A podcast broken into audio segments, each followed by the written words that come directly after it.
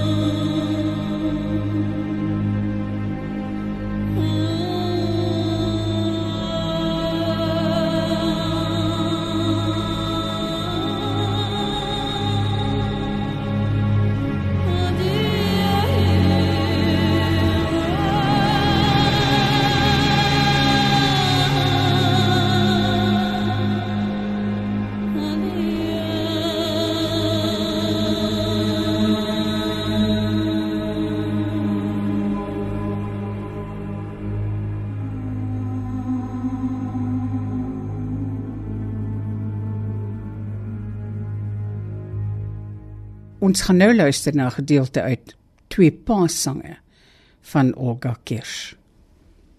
Gooi oop die voordeur. Wag gespanne. Want nou sal die stille engel binnekom. Hy sal sy lippe nat maak aan die rand van die wynkelk wat ootmoedig wag op hom. Voel jy die eeue wegvloei tot jy weer te midde van die ongesuurde brood en donker fonkelende wyn kan keer tot daardie eerste redding uit die nood. Soos kind verskuil lê in die moeder skoot, heimlik behoed en liefderyk omring, rus ons in die onuitroeilikheid van God, waar alle poorte dig is teen die dood. Dit is die boodskap wat die engel bring met middernag stoot sag die deur op slot.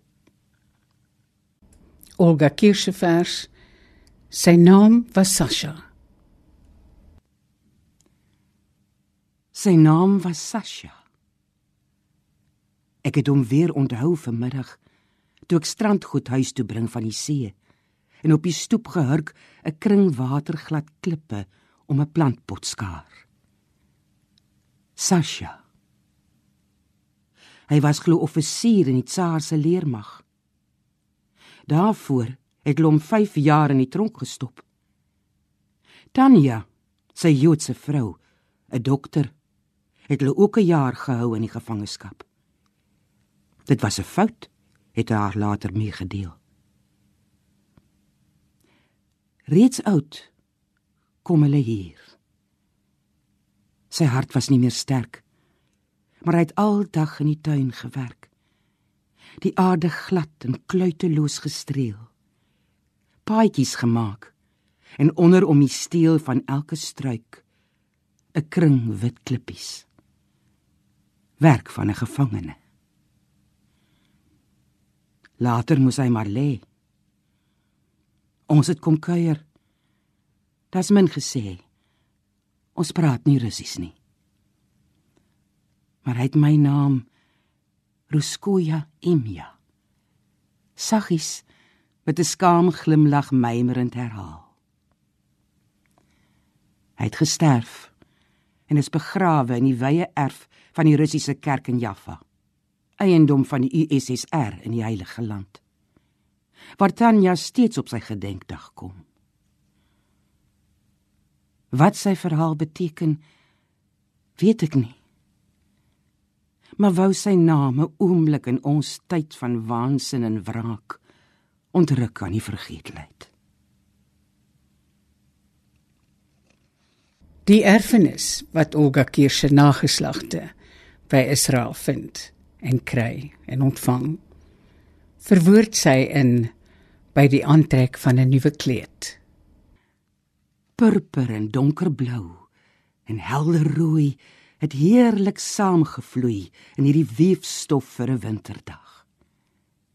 En my grootdogter gaan geklee daarin, vol grasie en vol pragt. 'n jong vorstin. Trots is haar hoë bors, haar hals gerond en fors, haar hoof 'n kroon.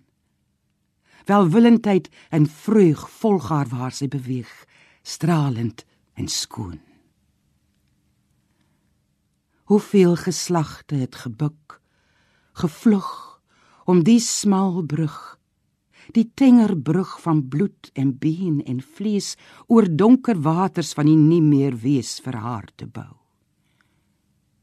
Hoeveel geslagte het my kind behou met hulle vrees sodat sy nou mag gaan geklee in sekerheid van gees. Die land is vol waarskuwing. Wat sal ons maak? Ons sal maar aanhou lewe.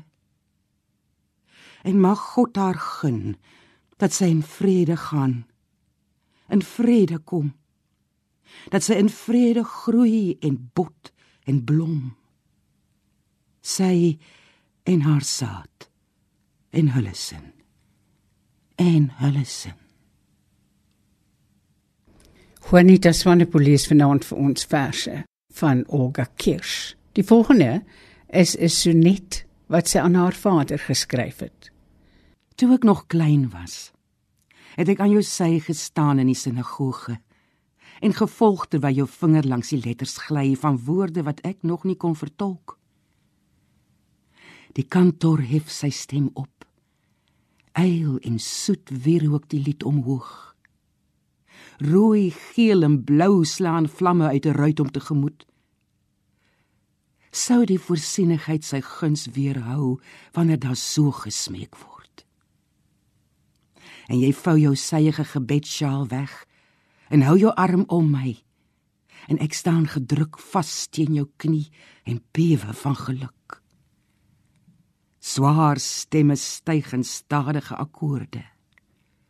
Oomblik 40 jare sonder woorde die joodse gebruike en tradisies kom sterk na vore natuurlik in Olga Kirsch se werk op die blank marmerblad in die kombuis. Op die blank marmerblad in die kombuis. Die warme hart wat die lewe van die huis gedurig stroom, vol geure en gerug en honger mense wat potdeksels lig. Glim 'n gedenkdagkers. 'n blikkie vuur met was geweeg om 24 uur te brand. En teen die einde van die tyd styer en val die vlam. Strek hy hom uit. 'n Tong wat roep om hulp. Maar hulle stom, die dodes. As hulle tussen mense kom eenmal 'n jaar. Wie gedenkkers koop vir een lank reeds oorlede. Vrees of hoop dat daar vir hom eendag 'n een vlam sal brand as ou gebruike en ou geloof nog standhou in 'n wankel wêreld. Vreemd hoe stil en afgesonder is die lig. Hoe koel sy vuur. Ten spyte van die skroei warm was en van 'n put wat gloeiend rooi veras, herinner hy aan 'n winterstrand. 'n Meeu 'n landskap streng en eensaam onder sneeu. Hier volg 'n pragtige vers oor die ontwikkeling en die hoogtepunte, die laagtepunte van huwelik. 'n Jaar of wat van angs en vel verrassing, van leer en afleer. Lugtige geluk. Dan is daar kinders die pynlike aanpassing wat diens en arbeid verg. Die onderdruk van self. Lang dae en nagte sonder rus maak dat hulle al hoe meer mekaar beskou as ouers. Bondgenote in kommernis en vreugde. Maar bysaaklik man en vrou. Skielik is dit 'n afgemaakte taak. In leë kamers sien hulle mekaar weer raak. Vergete rykdom. Albei het diep gelei. Veel prys gegee en baie bygekry. En die stil huis ontdekkel weer mekaar. Soos in 'n veraf tuin die eerste paar. En nou slaap teen my aangeleun slaap teen my aangeleun. Die wind ruk aan die stutte van die huis voor anker in 'n stroewe stroom. En ek wat buitekant jou droom se warm onwete waak, omarm jou harder om jou vas te hou teen rukwind wat die strikke ontbind, teen waters wat ontrafelend bruis om vessels van die anker tou. Olga Kirsch is met 'n Britse wiskundige getroud. Ek sal jou nooit kan volg. Ek sal jou nooit kan volg tot in die sale eeue lank deur meesterbouers opgerig. Strak. Altyd strakker strewende vertikale. Wande gans glas. Ingang vir suiwer lig. Uitkyk op skuivende einders die kathedrale van die Matthies waar jy jou werk verrig. Steeds bly ons vreemdelinge vir mekaar se tale. Jy vir die woorde en sinne waarin ek dig. Ek vir die sin van jou syfers en simbole. Maar dus kan tale deel ons die bekore landskap van arbeid uit liefde en nie uit plig soos bome weerskante van die druk verkeer, hul takke sywaarts strengel in die lug, saam anker in die donker onderteer. Sy het besondere gedigte, liefdesgedigte vir haar man geskryf. Al rus jy jou hoof teen myne. Al vou ek my arms dig toe om jou skerp skouers hoepel van been en vlees om jou verbrokkelende lyf byeen te bring en skraag. Kan ek jou nie teehou nie? Jy sal wegglip en verdwyn uit die kring. Hier volg nog 'n liefdesgedig, ongetiteld. Voordat ons inslaap, lê ons soms sy aan sy, arms om mekaar, hoof op 'n skouer gestit en fluister vaak oor alles en niks. Of dit en skrik op. Dit weer. Somstyds onthou jy voorvalle uit die ongedeelde tyd eer ons mekaar geken het. Dan volg ek jou, my oor dig teen jou bors, soos teen 'n skulp waar vertes ruis. Ek vra en jy vertolk. So tregter nag ons in sy donker kolk. Totdat ons tussen lettergrepe gly na afgronde waar slaap en droom ons skei. As jy in steeds groter mate oorgegewe aan sluimer, saans aan die slaap raak in jou stoel. So diep dat jou asem skaars die kleed verhewe bo jou stil bors. Aan die waterkant van lewe slap arm en magteloos heen en weer gespoel. Herinner die naaldprikke van paniek en pyn weer eens dat die dood dit in alle erns bedoel met ons. Wat soos kinders in 'n ruie tuin opgaan en speel. Aanstoms word dit koud en donker. Bring ons binne teen ons wil. Ons gaan afsluit met twee pragtige verse.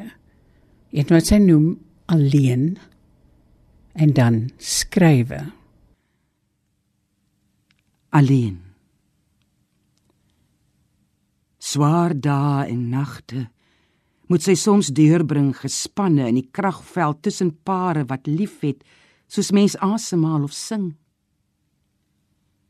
Die heen en weer van hul blikke en gebare vleg so 'n weelderige tapisserie dat die beskeie weefwerk daagliks hernu wat haar moet dek en warm hou deur die jare tot aan die draad geskif lyk en gering. Skrywe.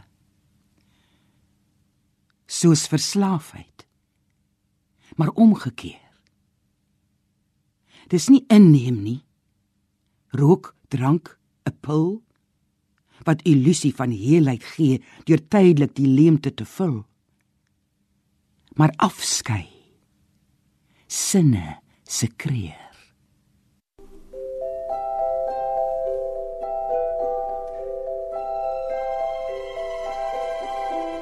Ons het geluister na verse van Olga Kirsch, soos voorgeles deur Juanita Swanepoel.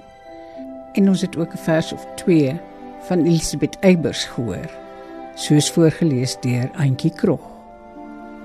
Van my, Margolite en my kollega Tarin Oosthuizen, alles van die beste tot volgende keer.